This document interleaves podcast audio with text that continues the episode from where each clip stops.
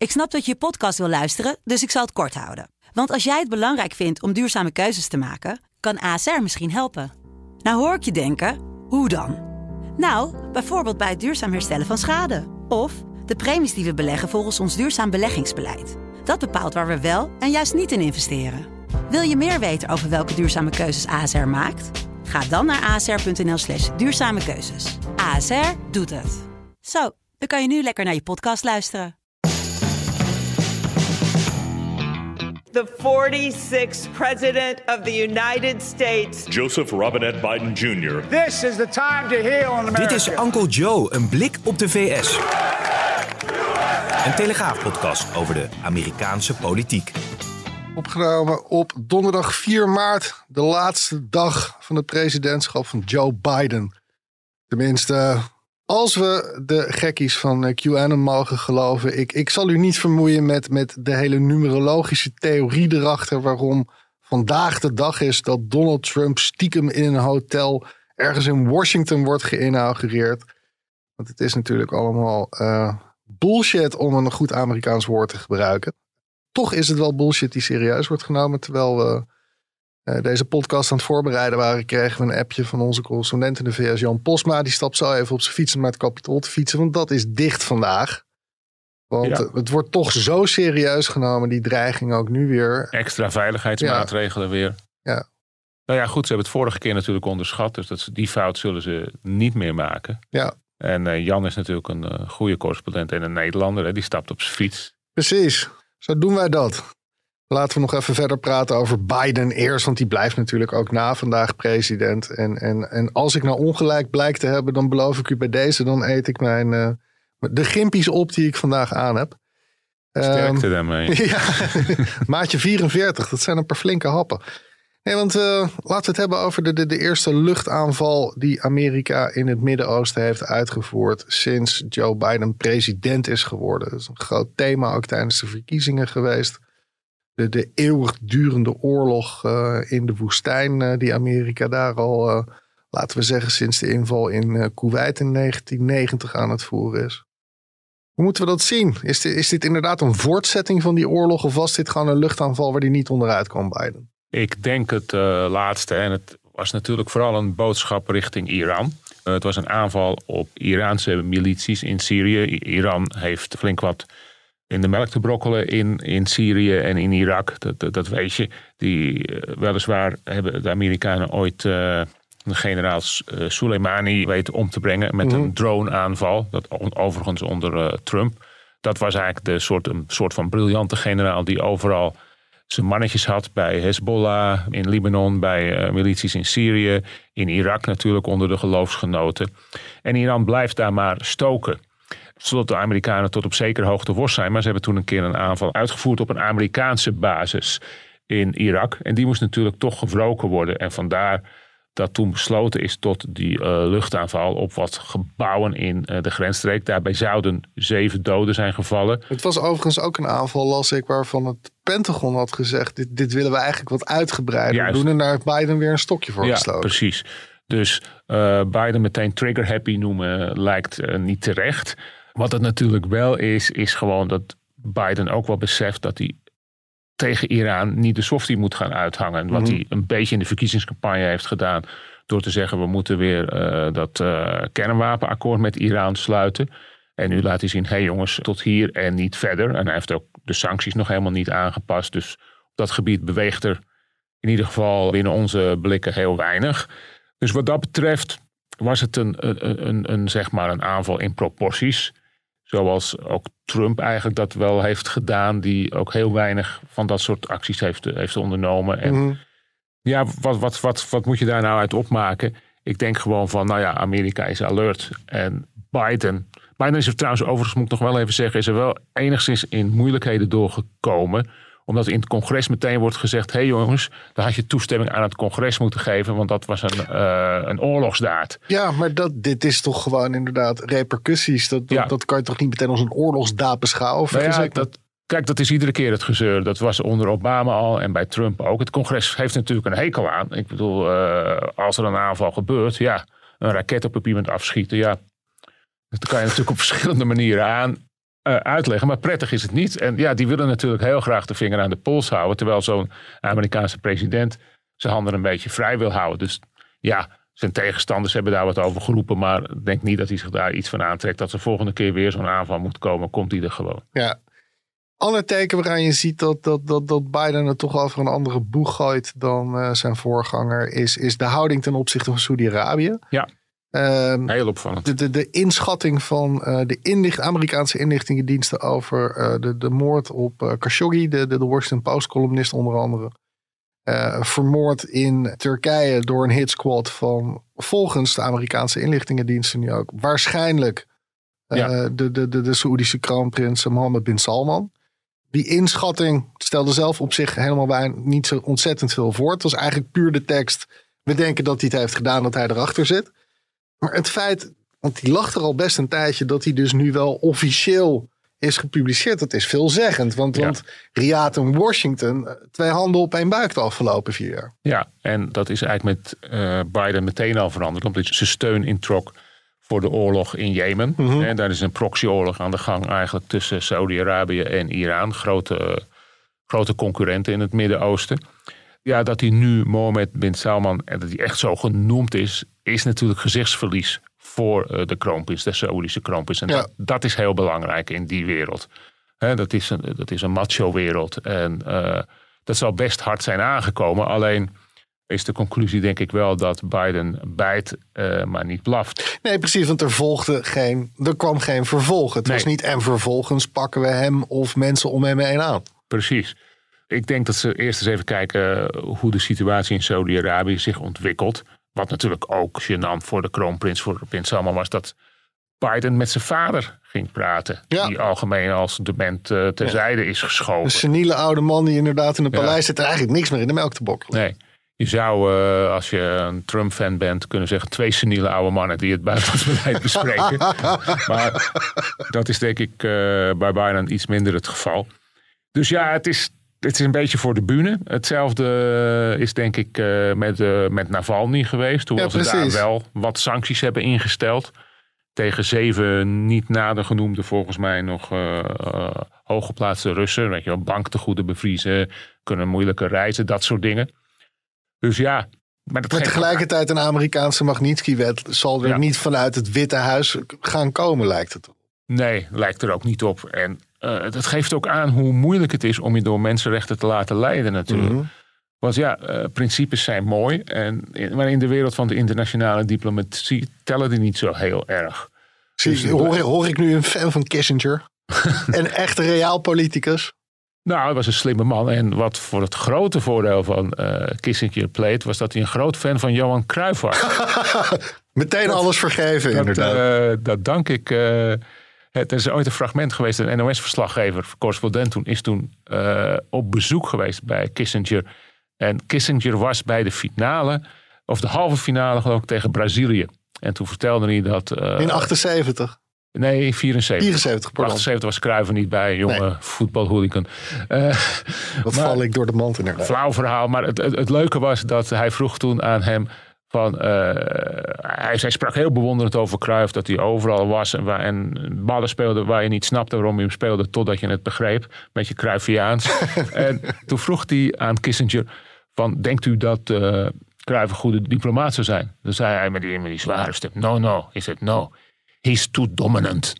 hij zei, als diplomaat kan je niet, je moet je een ander af en toe iets gunnen ja. en speelruimte gunnen.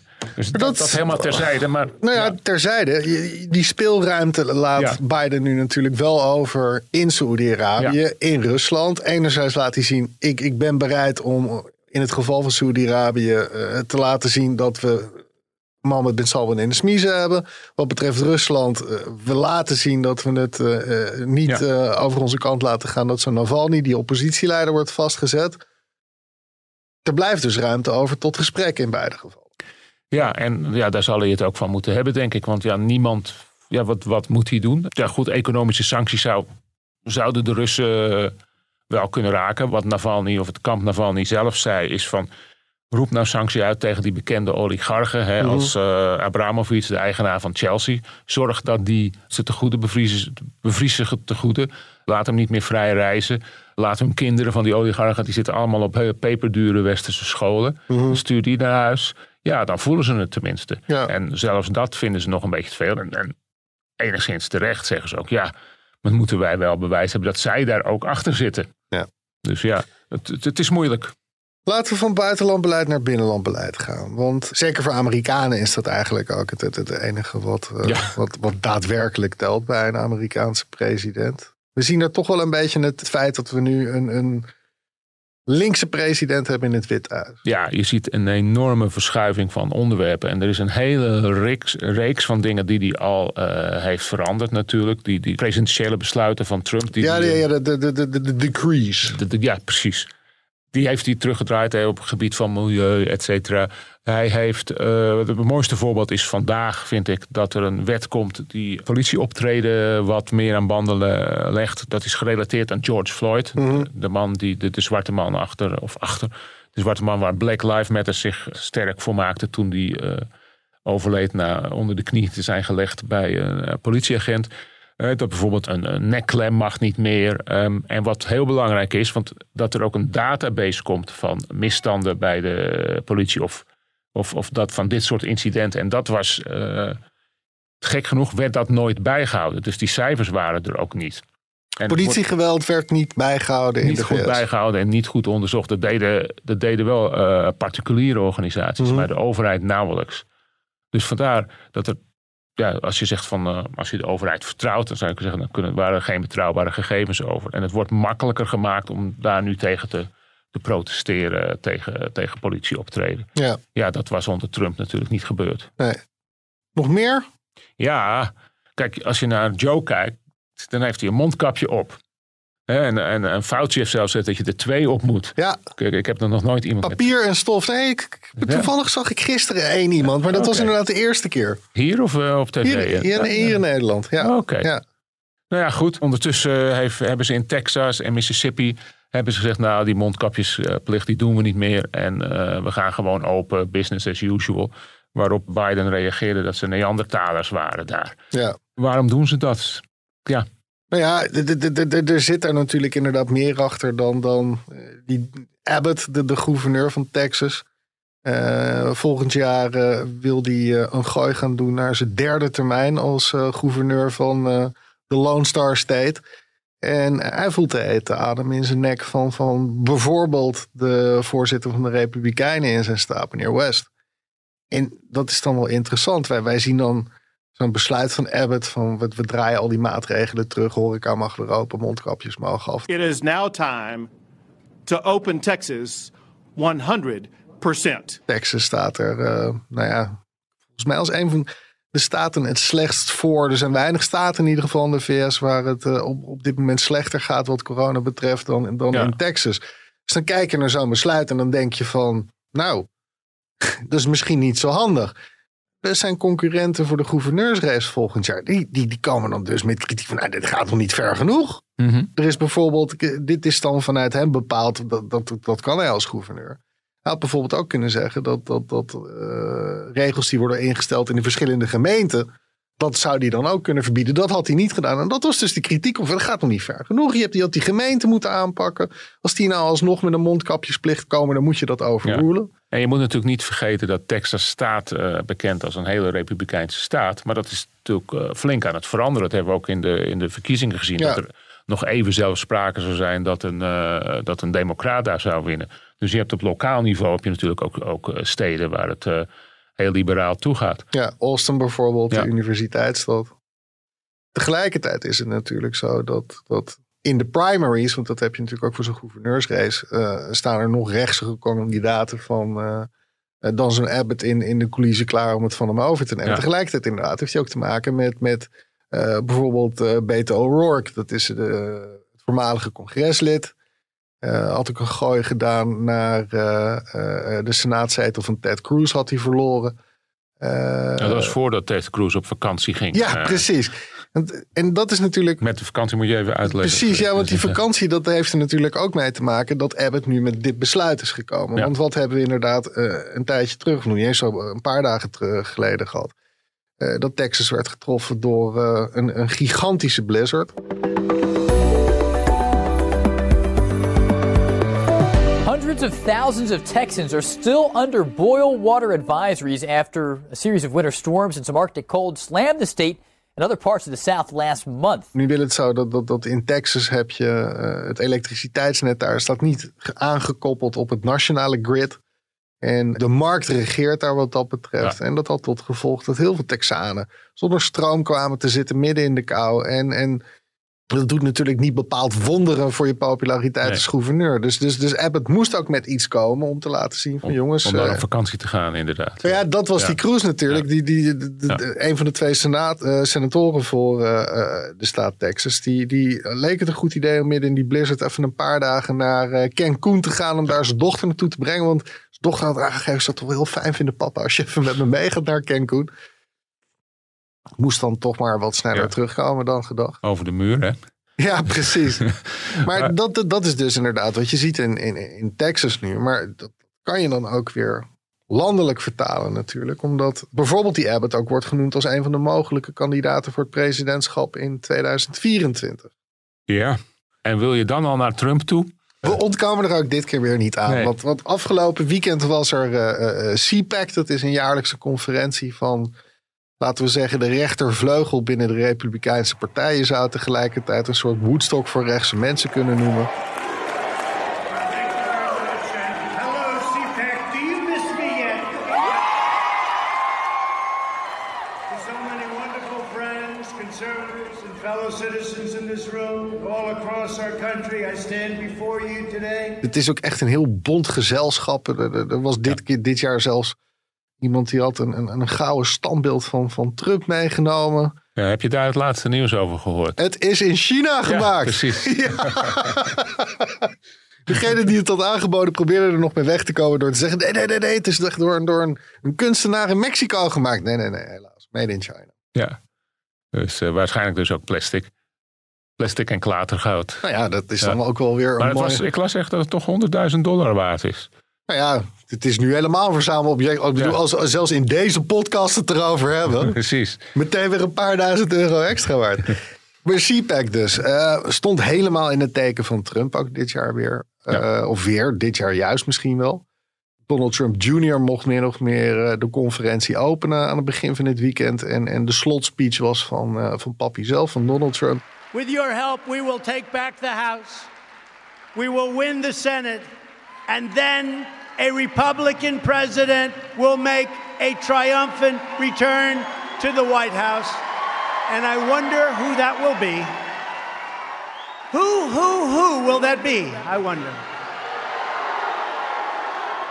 En toen kwam er een hele opmerkelijke uitslag binnen. Want het was één groot Trumpfeest met, met nou ja, dat gouden beeld. Iedereen liep er met maca-petjes rond. En aan het ja. eind mochten alle deelnemers uh, anoniem een stem uitbrengen uh, op de vraag van wie moet er in uh, 2024 de Republike, Republikeinse kandidaat voor het ja, uh, presidentschap Trump won, ja. Trump won inderdaad. Maar, nou ja, en dan kan je zeggen slechts of ruim of, of, of wat voor uh, kwalificatie er ook aan wil geven. Ik vond het slechts twee derde van de stemmen. Want, was het twee derde? Was niet 55? 68 procent. Ja. En um, ik vind dat weinig in de zin dat, dat dit was één groot Trumpfeest. Alles draaide daar om Trump. Linksom of rechtsom. Elke ja. grote spreker uh, die er aanwezig was. Die noemde Trump ook inderdaad als de, onze kandidaat. Trumpisme is, is, is de Republikeinse partij. Een aantal Republikeinen ja. die er niet aanwezig was, mocht daar niet zijn, kreeg geen uitnodiging omdat ze kritisch waren geweest op Trump. Dus alles draaide om die man. En dan zegt toch maar twee derde van de deelnemers Trump moeten ja, worden. dat zijn geen Noord-Koreaanse uitslagen. Uh, nee, uh, niet bepaald. Dus, maar om, om even tegen te spreken, desondanks zei Mitt Romney... Als, er, uh, als Trump voor de nominatie weer gaat in 2024, dan wint hij gewoon. Ja, McConnell zei het ook. Andere ja. criticaster. Maar aan de andere kant denk ik dat het inderdaad... Er zijn natuurlijk tekenen dat het wat rustiger wordt rondom Trump. Mm -hmm. En zoals we hier eerder al zeiden, zijn, zijn roeptoeter Twitter is verdwenen. Dus je merkt dat je nu bijna. Hè, je hebt nu, nu die conferentie, maar daarvoor moeten wij toch als journalisten zo langzamerhand een beetje gaan zoeken naar Trump-nieuws. Ja. Dus is, is dat volgens jou al een teken aan de wand dus? Nou ja, teken aan de wand. Ik, ik vond het opmerkelijk omdat je zou verwachten dat, dat, dat zo kort nadat hij uit het Witte Huis uh, is verdwenen. Het is nu anderhalve maand geleden.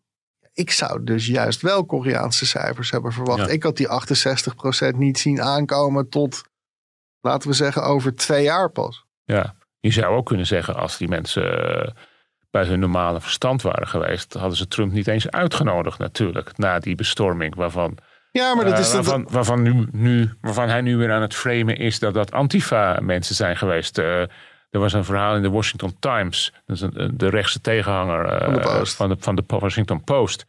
Die zei dat face recognition apparatuur had gezien dat het Antifa-mensen waren. En het verhaal hebben ze later weer terug moeten draaien.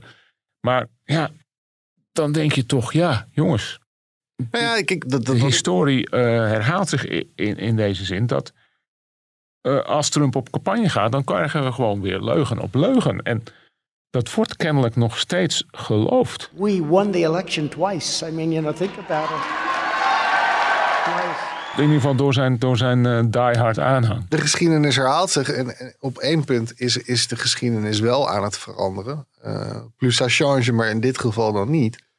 Er is veel kritiek geweest op de Amerikaanse media. Omdat die elke speech van Trump maar elke keer integraal uit hebben gezonden. Eh, dus dat was wel interessant afgelopen zondag om even te, te turven welke zenders wel en welke zenders het niet hebben uitgezonden. En er was er maar eentje die het wel heeft gedaan. Fox, Jij mag nooit meer raden. die had wat te goed te maken. Nee, maar dat is natuurlijk wel opmerkelijk. Dat, dat, dat eh, media, zeker CNN heeft er veel kritiek op gehad. Dat, dat, eh, er was natuurlijk een soort hele interessante haat-liefdeverhouding tussen Trump en CNN. Dat, dat, CNN was heel erg kritisch en, en Trump haalde altijd uit naar CNN. Ja. En tegelijkertijd hadden ze elkaar ook nodig. En, en Het was bijna een verdienmodel voor CNN. je zou natuurlijk. bijna zeggen, ja. Want vanaf het moment dat die eh, juni 2015 die trap in Trump Tower in New York afkwam, is, is Trump niet van CNN te slaan geweest. Nee. Dus je ziet daar dan dus blijkbaar wel een draai of misschien iets van, van besef van misschien moeten we dit keer een beetje uitkijken met werkelijk elke scheet inderdaad uit te zenden van iemand. Is dat zelf in zicht of is het gewoon wat je zegt, er is gewoon niet zoveel nieuws te melden over de man? Nou ja, het is natuurlijk een herhaling van zetten inderdaad. Van, eh, Biden deugt niet, de democraten deugen niet, de verkiezingen zijn gestolen. Ja, hoe lang kan je dat blijven uitzenden? En we zagen natuurlijk op het eind dat er inderdaad zo af en toe het eh, beeld ook op zwart ging. Hè? Bij een persconferentie, dan draaiden Ja. ze weg. Dat heeft zelfs Fox een paar keer gedaan. Ze van, nou ja jongens, dit gaat ons te ver. Ja, ik- aan de andere kant, ik blijf dat eigenlijk niet de taak vinden. Ik bedoel, wegdraaien. Ik bedoel, CNN heeft toen bij die bestorming hebben ze eh, die speech niet eens. Daar zat ik toen naar te app van wa- wanneer is die speech? Die is toch om vijf uur of zo, was Nederlandse tijd. Ja. En die moest ik toen eh, op mijn laptop op Fox gaan volgen. Dan denk ik, ja, hoe je het ook bent of keert, dat is een historisch iets. Nou ja, sterker nog, het is zelfs bewijsmateriaal voor de impeachment Achteraf, geworden uiteindelijk. Ja, Achteraf, ja. Precies. Maar, dus ik, ik vind dat een, een moeilijke van, moet je nou een, een kandidaat, ja, zeg maar, negeren? Hè? Dat, is, dus- dat, eh, dat hebben wij hier natuurlijk ook gehad. Met Wilders in België hebben ze het gehad. Met dat, hoe heet dat cordon sanitair Mhm. rondom bepaalde politici. Ja, ja ik, vind, ik denk altijd nog steeds, maar misschien ben ik naïef, dat je de kiezer zelf moet laten oordelen.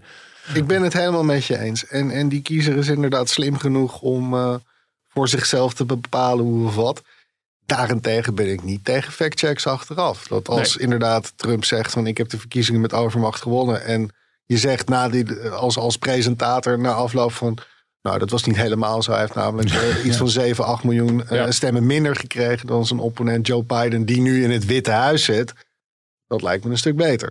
Ja, daar ben ik het, eh, ben ik het ook met je eens. Dus, eh, Hey, laatste vraag. Gaan, gaan we het over twee weken weer over Trump hebben? Wat denk jij? Ja, absoluut. maar we blijven zoeken naar Joe Biden. Want het is natuurlijk wel een beetje zo dat hij. Hij doet heel veel.